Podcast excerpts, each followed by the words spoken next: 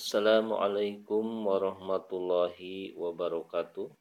Hadirin yang berbahagia, marilah kita lanjutkan kembali deresan tentang hidup. Kemarin sampai pada uh, nikmat bahwa hidup adalah untuk mencari nikmat. Kenikmatan yang telah ditaburkan oleh Allah Ta'ala di dunia ini sangat berkaitan erat dengan kenikmatan yang hakiki di akhirat.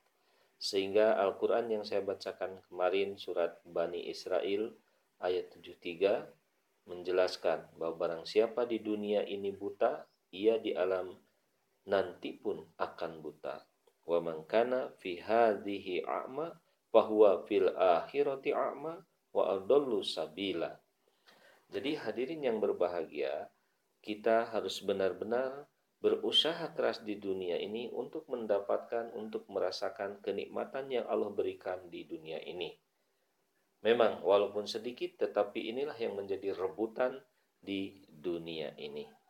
Apalagi kalau nanti kita mendapatkan karunia, mendapatkan kenikmatan yang dikatakan 99% di akhirat nanti, itu tentunya sangat luar biasa sekali. Jadi ini mudah-mudahan menjadi motivasi bagi kita di dalam mencari nikmat uh, yang hakiki ini dan tentunya diawali di dunia sekarang ini.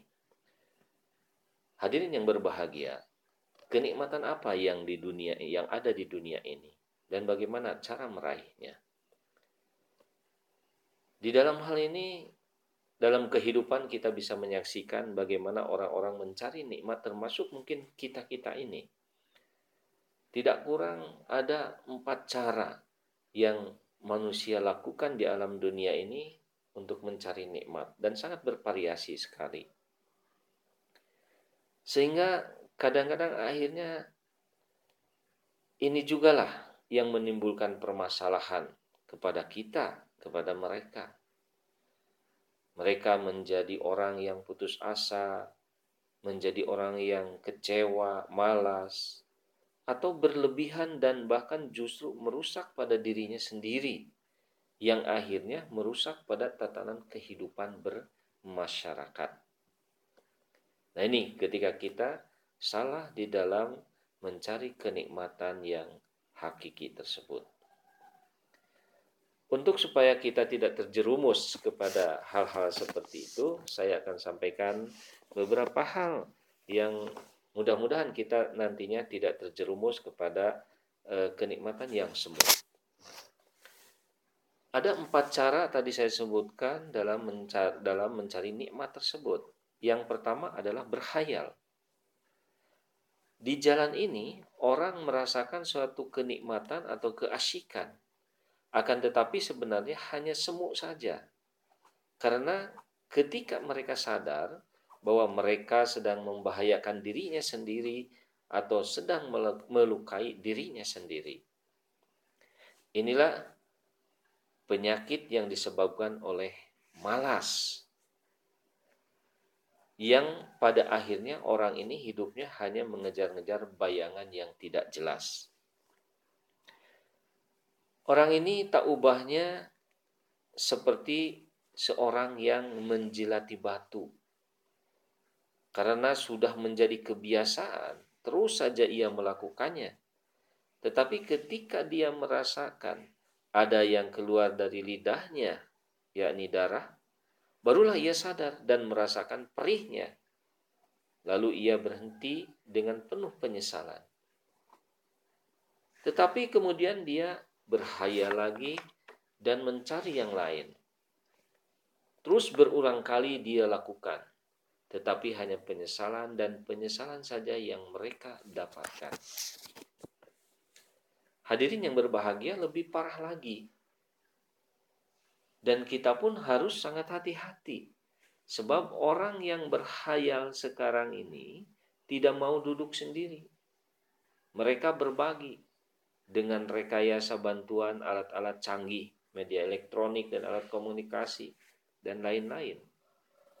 Semua orang duduk hanyut di bawah berhayal secara bersama-sama. dan mereka mengeluarkan hayalannya dari alam pikirannya tersebut lewat film-film, cerita-cerita dan lain-lain. Jadi sekarang tidak sedikit orang yang duduk di depan TV menonton film. Itu adalah dibuat dari hayalan mereka yang dikemas sehingga orang-orang hanyut di situ sehingga apa yang terjadi? Terjadilah banyak percekcokan dalam keluarga, dalam masyarakat dan lain-lainnya. Akibatnya hidup putus asa, kekecewaan, penyesalan yang tidak terobati, akhirnya menimbulkan perubahannya pada e, karakter manusia menjadi perampok, pemerkosa, koruptor, bodoh, sembrono, arogansi. Itulah yang diakibatkan dari kemalasan yang menimbulkan sebuah hayalan. Dan hayalan sekarang sudah merebak di mana-mana. Sekali lagi itu perlu kita waspadai, kita harus hati-hati.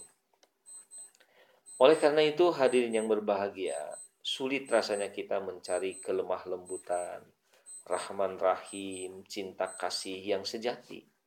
Kalaupun ada tidak lebih dari sifat penjilat. Memang tidak semua orang menjadi begitu. Ada juga orang-orang yang baik, lembut, rahman rahim, dan lain-lain. Tetapi sedikit sekali. Dan inilah orang-orang yang merubah hayalan menjadi tafakur dengan dilandasi oleh keimanan yang benar. Jadi sebenarnya Islam mengajarkan tafakur bukan berhayal. Ingat akan firman Allah Subhanahu wa taala dalam surat Al-Mursalat surat nomor 77 ayat 31 dan 32. Antoliku ila zilin di salasi su'ab la dolili wala yugni minal lahab. Ya, pergilah kepada bayang-bayang bercabang tiga yang tidak memberi teduh dan tidak pula melindungi dari nyala api yang dimaksud dengan bayang-bayang bercabang tiga itu adalah fitrat liar, fitrat hewan, dan fitrat spekulatif pada diri manusia. Ketiga fitrat ini akan dimanifestasikan di hari penghisaban sebagai cabang-cabang pohon tanpa daun yang tidak akan mampu memberikan perlindungan dari api neraka di mana mereka akan terbakar. Jadi inilah gambaran orang yang dalam mencari nikmatnya berhayal. Pada akhirnya justru dia tidak akan mendapatkan kebaikan apa-apa, malah justru akan mendapatkan dan tidak akan mendapatkan perlindungan dari api neraka. Oleh karena itu, hadirin yang berbahagia, marilah bekerja keras dengan jangan sampai kita menjadi pemalas maka insya Allah hayalan tidak akan memiliki ruang di dalam diri kita. Semoga Allah taala memberkati kita semua dan kita menjadi orang-orang yang selalu bertafakur kepada Allah Subhanahu wa taala dan tidak menjadi penghayal. Wabillahi taufiq wal hidayah. Wassalamualaikum warahmatullahi wabarakatuh.